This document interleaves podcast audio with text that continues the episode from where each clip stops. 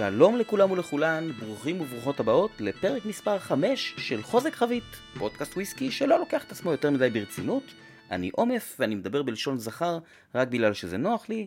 אני כבר עכשיו אומר, זוהי הפעם השלישית שאני מתחיל להקליט את הפרק הזה, תודות לג'ין, החתולה שלי. אז אם אתם שומעים חתול עושה קולות של יונה או של ינשוף, הרי מדובר בג'ין, ואני אה, מתנצל על זה, אבל אין מה לעשות, אלה החיים. כן, יש חתול, והחתול עושה מה שהוא רוצה, אתם יודעים איך זה. חתולים חיה עצמאית. אה, אוקיי, אז מספיק עם החתול שלי, ובואו נדבר על הפרק הקרוב.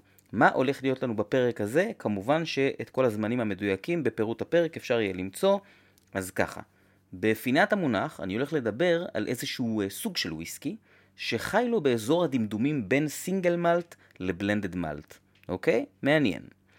בפינת החדשות יש לנו אייטם קצת מעציב מסקוטלנד, אייטם אחד משמח מאירלנד, ושני אייטמים מהארץ שהם שניהם משמחים ביותר. את פינת ההיסטוריה אני אקדיש למזקקת Teeling מאירלנד, מדבלין, ובפינת עומף תואם אני אמשיך את הפינה של הפרק הקודם קצת על הערכה ועל חוש הריח ועל שימוש באף, ואני אדבר על שני בקבוקים שבעיניי הם VFM, value for money, נהדר למתחילים ולא רק למתחילים. ולפני שאנחנו מתחילים את הפרק, מה אכפת לכם? ת, ת, תעשו subscribe, תדרגו, ת, תשימו איזה כמה כוכבים, מה, לא חמש, שימו ארבע. שימו ארבע, אני, אני חי בשלום עם ארבע, כן? אני בן, בן אדם בינוני סך הכל. בסדר, מספיק עם זה, ובואו נעבור לפינת המונח.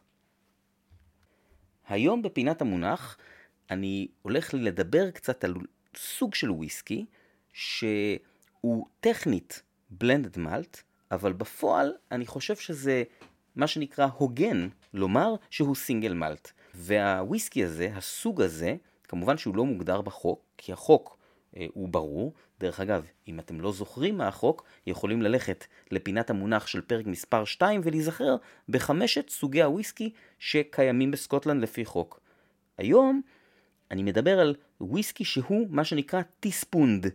Teaspoon כפית תה, או במילים פשוטות כפית, וויסקי שהוא teaspooned הוא בעצם single malt, שהוסיפו לו כמות ממש ממש מזערית, ואפשר לומר חסרת חשיבות, של איזשהו single malt אחר. עכשיו נשאלת השאלה, למה לעשות את זה? אז תראו, יש מזקקות שמוכרות את הוויסקי שלהן למבקבקים עצמאיים ב- בלי שום בעיה, בשמחה. ואפשר לראות בקבוק עצמאי של כל מיני מזקקות שונות. יש מזקקות שלא כל כך אוהבות את העניין הזה, וחלק מחוזה המכירה עם המבקבק עצמאי הוא השימוש בשם אחר. נתתי את הדוגמה הזאת באיזושהי פינת אה, חדשות פעם, שלרוב גלן פרקלס יבוקבק תחת שם אחר שהוא לא גלן פרקלס, למשל בלר פינדי. יש מזקקות שמאוד מאוד קנאיות לשם שלהן, או למותג שלהן, או למוצר שלהן. ואז אנחנו נתקלים בתופעה הזאת שנקראת טיספון, שבה וויסקי מבוקבק תחת שם אחר, והוא למעשה כבר לא סינגל מלט, כלומר, כשגלנפידיך רוצים לוודא שמבקבק עצמאי לא יבקבק את הוויסקי ויכתוב עליו גלנפידיך, אחת הדרכים שלהם לדאוג לזה, זה להוסיף לו לחבית נגיד, או לכמה חביות, לכמות שלוקחים, טיספון, כמות קטנה, כפית, ממש, ממש פיצקלה של גרגלה של סינגל מלט אחר, ואז מה הם בעצם עשו? הם גרמו לזה שטכנית זה באמת כבר לא סינגל מלט, אסור לקרוא לזה גלנפידיך. למה אסור לקרוא לזה גלנפידיך? כי יש שם 32 מיליליטר של אה, בלוויני, קינינבי, כל דבר אחר. אוקיי? אז אני אתן לכם אה, ככה כמה דוגמאות כאלה של וויסקי שהוא teaspooned.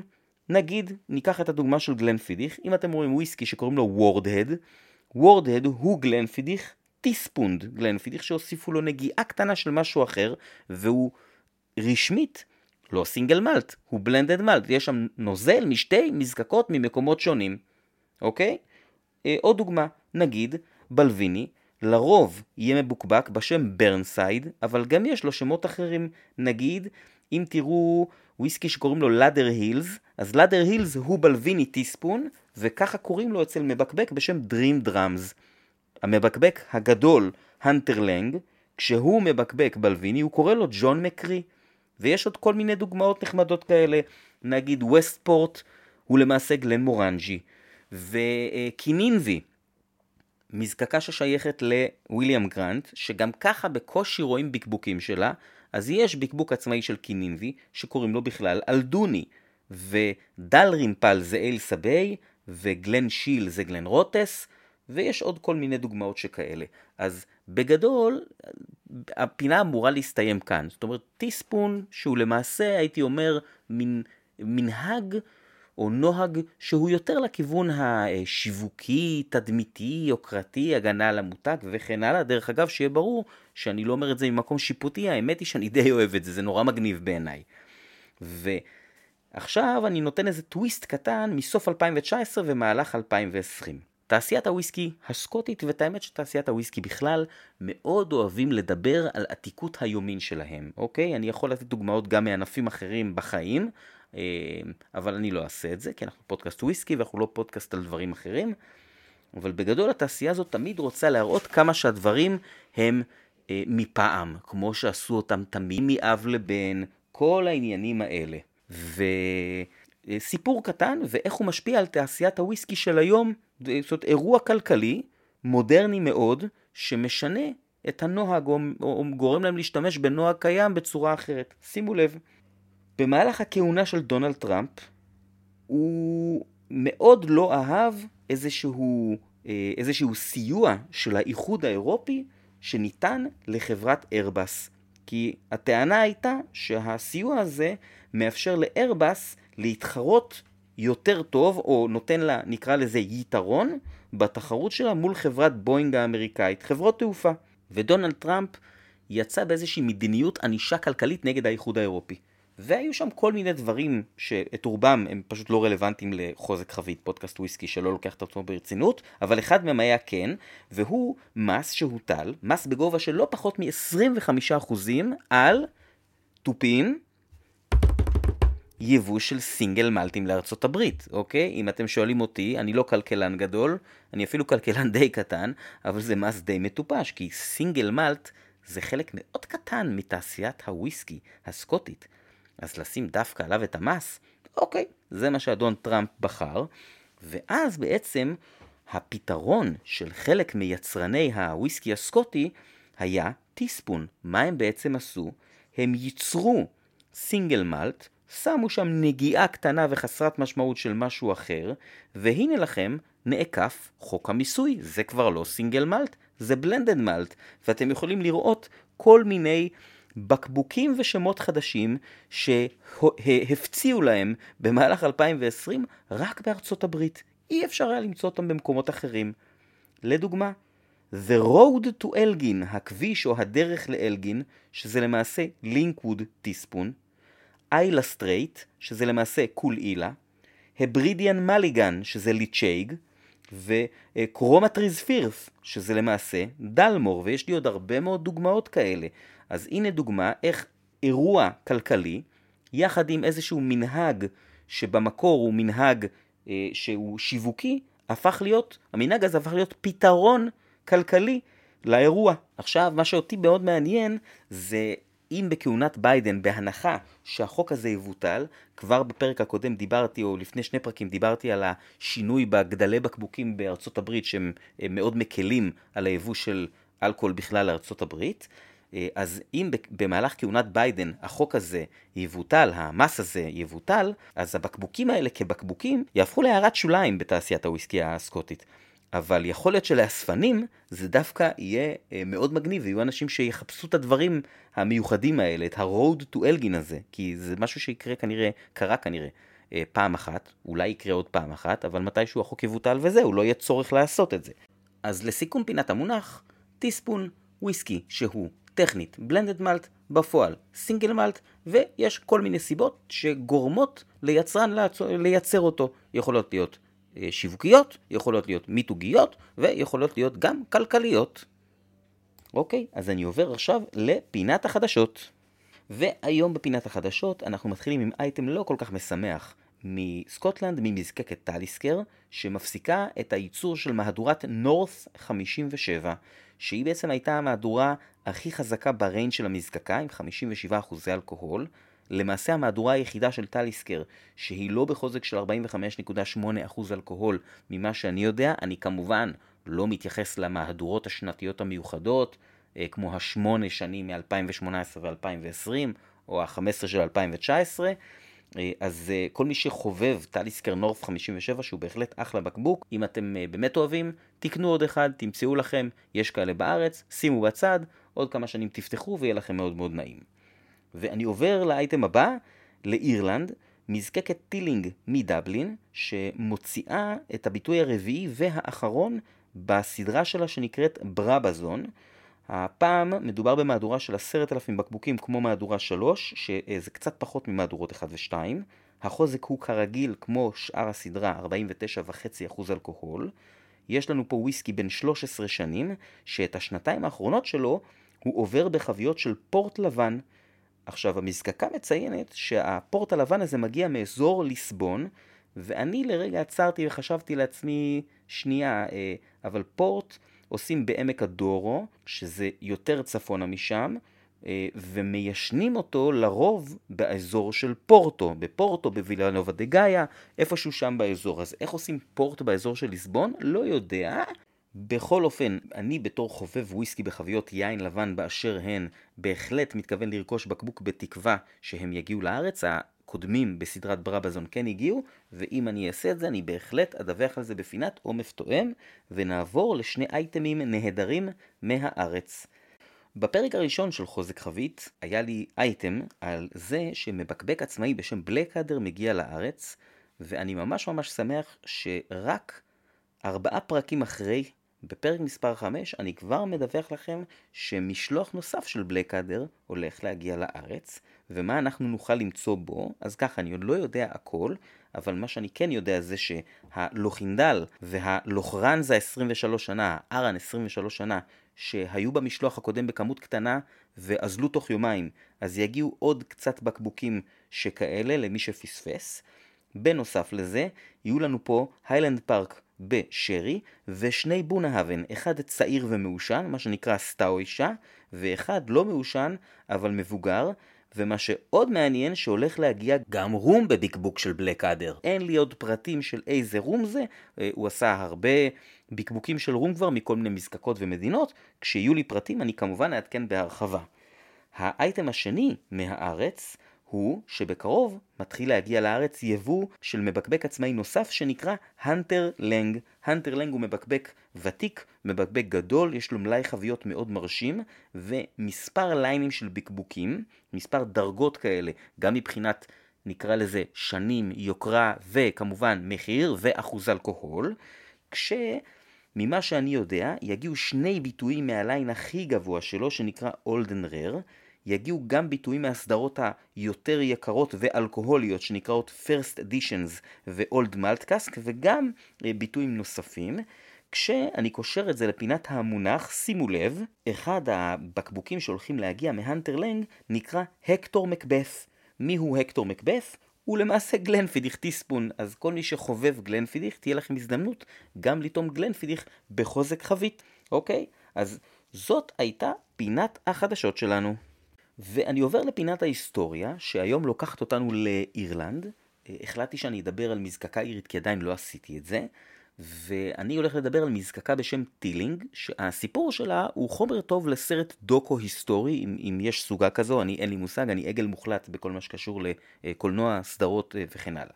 אז ככה, אנחנו מתחילים את הסיפור שלנו ב-1782, כשבחור בשם וולטר טילינג פותח מזקקת וויסקי בדבלין השוקקת של סוף המאה ה-18.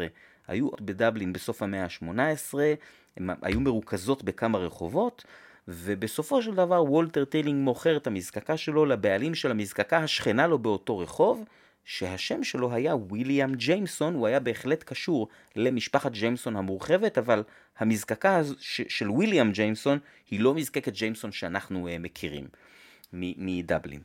אוקיי? אז הסיפור מתחיל שם, וטילינג אוהבים להראות את השנה הזו, את 1782, בכל מיני מקומות, כי למעשה הטילינג של היום הם צאצאים של אותו וולטר טילינג. ואנחנו זזים 200 שנים קדימה, ב-1987 ג'ון טילינג מקים איזשהו מין, נקרא לזה בגדול מפעל אלכוהול במקום בשם קולי מצפון לדבלין, שנתיים אחרי זה הוא הופך אותו למזקקת וויסקי, וג'ון טילינג עושה חיל עם המזקקה שלו שנקראת קולי. הוא מייצר מגוון רחב ומוצלח של וויסקי אירי, ושני הבנים שלו, ג'ק וסטפן, מצטרפים אליו. והשנים האלה, סוף שנות ה-80, אה, יש שם כמה אירועים שקשורים לוויסקי אירי, למשל ב-1988 פרנו ריקארד, תאגיד האלכוהול השני בגודלו בעולם, שרוכש את אייריש דיסטילרס, כלומר את ג'יימסון ושלל המותגים שמחוברים אליה, ולמעשה שנות התשעים הן שנים מאוד מוצלחות לוויסקי האירי, ובמיוחד העשור הראשון של שנות האלפיים מוצלח בכלל לוויסקי בעולם, לא רק הוויסקי האירי, ובעצם התוצאה היא, בשנת 2011, ג'ון טילינג מוכר את מזקקת קולי לענק ג'ים בים. ג'ים בים שבעצמם שלוש שנים אחרי זה עם סנטורי, להיות בים סנטורי, אז הם מוכרים את המזקקה, וג'ון טילינג יוצא לפנסיה, ג'ק עוזב את המזקקה, וסטפן טילינג נשאר עוד שנה בתפקיד שלו, ורק אז הוא עוזב, לפי מה שאני מבין, הוא נשאר בתור מנהל המזקקה. כלומר, זה היה חלק מהעסקת מכירה, חלק מהחוזה,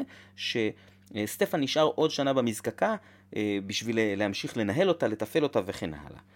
ב-2012 הם מתחילים לבנות את מזקקת טילינג החדשה לחלוטין בדבלין, וב-2015 היא בעצם הייתה המזקקה הראשונה שנפתחת בדבלין מזה 125 שנים. והם מגייסים master distiller ו master blender, זאת אומרת בן אדם אחד שהוא master distiller ו master blender, קוראים לו אלכס צ'סקו, והוא אמריקאי, נשוי למישהי אירית, והוא עבד הרבה שנים בתעשיית מבשלות הבוטיק בארצות הברית, לפי מה שאני מבין בעיקר באורגון, אמ, והוא בעצם עבר לאירלנד והצטרף אליהם, הוא העובד הראשון של המזקקה. עכשיו, מה מעניין? טילינג הוציאה וויסקי מאוד מאוד מהר. כמה מהר? ב-2012, כלומר, שנת ההקמה של המזקקה, השנה שבה התחילו בכלל לעבוד עליה, יצאה סדרה של 5,000 בקבוקים בשם Vintage Reserve Silver Bottling של טילינג בן 21. איך מזקקה שרק עכשיו הקימו מוציאה וויסקי בן 21? היא עוד לא התחילה לזקק בכלל. אז האמת היא שדי בקלות, וזה דבר שהוא מאוד מאוד נהוג באירלנד ובכלל. מתישהו אעשה פינת היסטוריה על אירלנד בכלל, אני עכשיו אה, כמובן אעשה את זה בצורה מאוד מאוד קצרה. בגדול, באירלנד היו הרבה מאוד מזקקות, הרבה יותר מאשר בסקוטלנד, ולאורך החצי השני של המאה ה-19 ובמהלך החצי הראשון של המאה ה-20, המזקקות האלה פשוט נסגרו ונסגרו ונסגרו, והגיע למצב שבשנות ה-60 היו באירלנד מעט מאוד מזקקות, למיטב ידיעתי רק שלוש.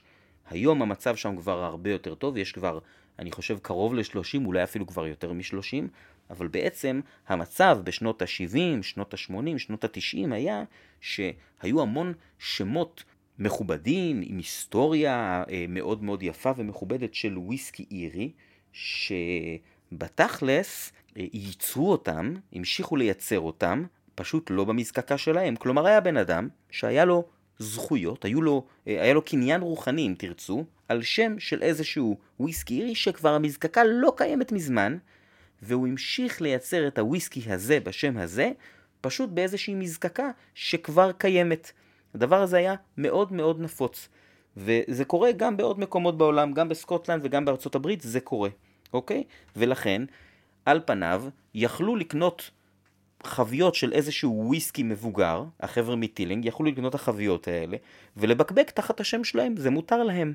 אבל מה, וכאן ראוי לציין לטובה את החבר'ה מטילינג, שבזה הם בולטים ממזקקות אחרות, שטילינג בעצם בחוזה המכירה שלהם, כשהם מכרו את המזקקה, כשג'ון טילינג מכר ב-2011 את המזקקה לג'ימבים, חלק מחוזה המכירה לא היה רק שהוא משאיר את אחד הבנים שלו שם עוד שנה בשביל לנהל, אלא חלק מהחוזה היה שהם לוקחים איתם גם נדוניה יפה של חביות.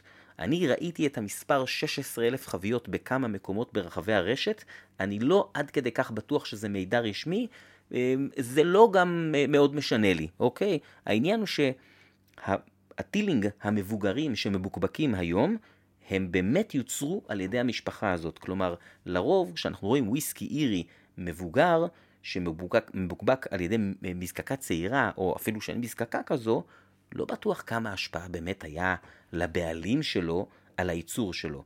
כאן אני יודע להגיד בהחלט שמי שהיום מבקבק טילינג בן 21, הוא גם מי שייצר אותו, במו ידיו. ומבחינתי זה אה, אחלה, וזה מגניב, וזה אפילו מגניב מאוד, כאילו, אני ממש ממש אוהב את זה. אהבתי, שמחתי מאוד לגלות את המידע הזה. קצת על הוויסקי של טילינג. אז טילינג עושים מגוון די גדול של ביטויים, הם עושים גם single malt וגם single grain, הם עושים בלנדים, הם עושים single pot still, שזה איזשהו סגנון וויסקי שעוד אני ארחיב עליו באיזשהו פרק עתידי, והם מאוד מאוד אוהבים לשחק עם חביות. אה, למשל, ה single malt שלהם מיושן בחמישה סוגים של חביות יין, יש להם ביטויים בשרי, בפורט, ברום, בחביות שהם ex stout, ex בירה stout, ולאחרונה אפילו שני דברים שאני מודה שקצת עצבנו אותי, שזה חביות ex ginger beer וחביות של רום פלנטיישן מתובל באננס. כלומר, אה, אפשר לומר שטילינג מנצלים את העובדה שהחוק האירי קצת יותר מתירני או קצת יותר גמיש מהחוק הסקוטי והם משחקים עם חביות בצורה מאוד מאוד נרחבת. עכשיו, אני לא כל כך אוהב את העניין של חבית שהיה בה משקה שהמתיקו אותו, אבל אה, אני, זה קצת, זה קצת צביעות כי יש גם משקאות כאלה שהם מתוקים, אה, נקרא לזה כשלעצמם, אז, אה, אז זה כמו ה... כמו החפירה שלי מהפרק השלישי על צבע טבעי או צבע לא טבעי או צבע טבעי אבל שעשו לו מניפולציה. בשורה התחתונה, אם זה טעים וזה כיף, זה מה שחשוב.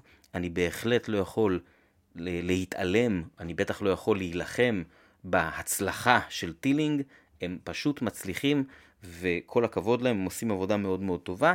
דרך אגב, הם גם מייצרים איזה משהו שנקרא פוצ'ין, שזה מין תזקיק אירי לבן שנעשה מכל מיני חומרי גלם, סוג של, נקרא לזה המונשיין האירי, ואם אתם מתישהו מגיעים לדבלין, יש להם מרכז מבקרים בדבלין עצמה, שאני כמעט הגעתי לבקר בו, ובסוף היום היחיד שיכולתי לעשות את זה, לצערי, אה, הוא היה סגור. אז אה, זו ההיסטוריה של מזקקת טילינג שהיא אה, גם קצרה וגם ארוכה ובהחלט מגניבה. אחלה טילינג שבעולם. ועכשיו אני הולך לעבור לפינת עומף תואם. והיום בפינת עומף תואם אני קודם כל מתחיל עם איזה שהם ארבעה טיפים כאלה שקשורים ל- לפתח את חוש הריח. אני כמובן מציע אותם למי שנהנה מהצורה הזו של השתייה. אתם לא חייבים לעשות את זה, לא חייבים לעבוד בזה. אני מוצא את זה נורא נורא כיפי. אז אלה ארבעה דברים שאפשר לעשות. טיפ מספר אחד, תריחו דברים. פשוט תרחרחו כל מיני דברים. אני הפכתי ממש למריח אה, כפייתי על סף הטורדני. אני מריח אוכל, אני מריח מוצרים לפני הבישול, אני מריח תבלינים, אני כל הזמן דוחף את האף שלי לתוך לחם, אה, אני מריח מקומות. אוקיי, אני אתן לכם דוגמה למקום שאני אוהב מאוד להריח. אה, בימים כתיקונם כמובן, ליד אחד מהברים שלי, ליד המוזנר, יש בית קפה נהדר שקוראים לו קופי שופ 51. דרך אגב, מומלץ מאוד, הם קולים את הקפה שלהם לבד, אני מאוד אוהב את הקפה שהם עושים שם. וכנס לקופי שופ 51 ופשוט להריח את האוויר, כי בכל יום, בשעות שונות, יש לו ריח מאוד שונה. זה ממש קל ללמוד על חוש הריח במקום כזה. למה אני מתכוון? למשל כשנכנסים לשם ממש מוקדם בבוקר, אז יש שם ריח של חזק של מאפים טריים באוויר, שזה נהדר. אה, אם באים בצהריים ובדיוק דותן קולה קפה, אז כמובן שיש ריח של קפה קלוי, אבל הוא קולה לפעמים בדרגות שונות, הוא קולה זנים שונים של קפה, וזה נורא נורא כיף ומגניב. אז, אז פשוט תריכו דברים, זה מין משחק כזה, אני מאוד אוהב לנסות לנחש מה השכנים מבשלים למשל, כי זה פשוט גורם לך אה, לחדד את החוש הזה ולהתרכז בו. אוקיי? אז זה הטיפ הראשון.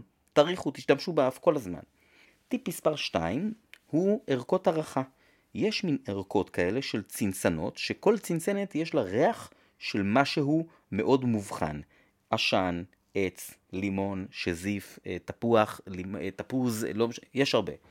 ואפשר לקנות ערכות כאלה, ובעצם במקביל לזה שאתם מריחים וויסקי, או כל דבר אחר, גם, גם יין, גם קוניאק, אפשר להריח את הצנצנות האלה. אני רוצה לומר שאני ברמה האישית לא כל כך מתחבר לערכות הערכה, כי אני חושב שהן עושות את המשחק הזה יותר מדי קל, אבל לא בגלל שיש פה אתגר, כאילו זה פשוט זורק לך את הריח לאף בצורה כל כך אגרסיבית ומובחנת, הלימון הוא ממש ממש ממש לימון לימוני.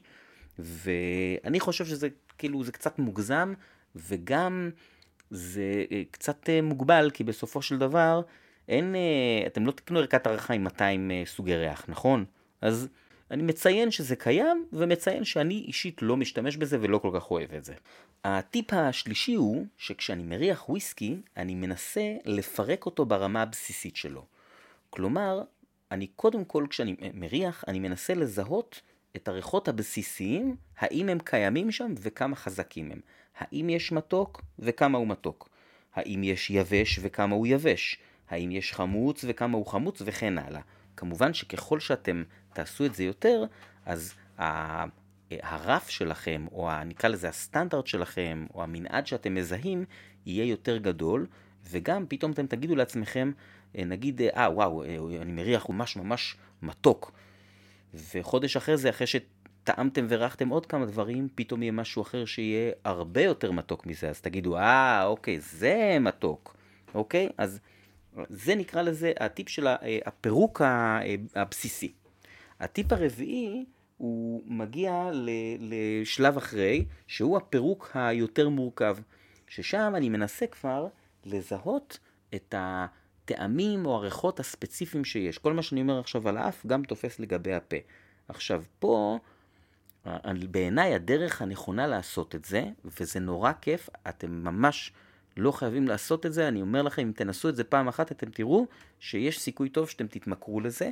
זה פשוט לכתוב מה שאתם מרגישים. אני אתן לכם דוגמה. אני אתמול בערב העברתי סדנה, זאת אומרת, לצורך העניין, הפרק הזה מוקלט במוצ"ש, אז אה, אני אתמול בערב העברתי סדנה על איזשהו מותג וויסקי שקוראים לו פורט אסקייג. ולפני שאני מעביר את הטעימה, אני גם כמובן בודק בעצמי את הבקבוקים, ואני יושב ואני מריח ואני טועם ואני מנתח, ואני כותב הכל. והסיבה שאני כותב הכל היא שהצורך לכתוב גורם לך להיות יותר חד. כלומר, זה שאני צריך לקחת את חוש הריח שלי ולהעביר אותו למילים כתובות, מכריח אותי לצמצם את המחשבה. לא יכול להיות איזה משהו כללי, אני צריך להיות ספציפי, אני צריך להגיד איזה ריח יש לדבר הזה. האם הוא מעופש, האם הוא גבינתי, האם הוא מינרלי, אה, אה, האם זה מתוק של וניל, או, או שזה מתוק טרופי נגיד. אז, אז, אז הכתיבה הזאת, דרך אגב זה גם עובד בשיחה, אם אתם שותים עם עוד מישהו ואתם מדברים על זה, אז הצורך לבטא ב, בשפה את מה שאתם מרגישים בחוש, הוא תרגול מעולה לחושים שלכם. אז אלה היו כמה טיפים לאיך טיפה לעבוד על האף שלכם, ואני עכשיו עובר לשני בקבוקים שהם בעיניי value for money נהדרים, בקבוקים שאני מאוד אוהב, שלא קשה למצוא אותם, ושמהניסיון שלי בטעימות עיוורות, הם לרוב מקבלים התייחסות, נקרא לזה, יותר רצינית או מכבדת, מאשר שפשוט מציעים אותם ורואים אה, את התווית שלהם, וזה מוכיח כמה הם טובים. אז מה הם שני הבקבוקים האלה? אז הבקבוק הראשון שטעמתי הוא קומפס בוקס Story of the Spaniard, תעודת זהות.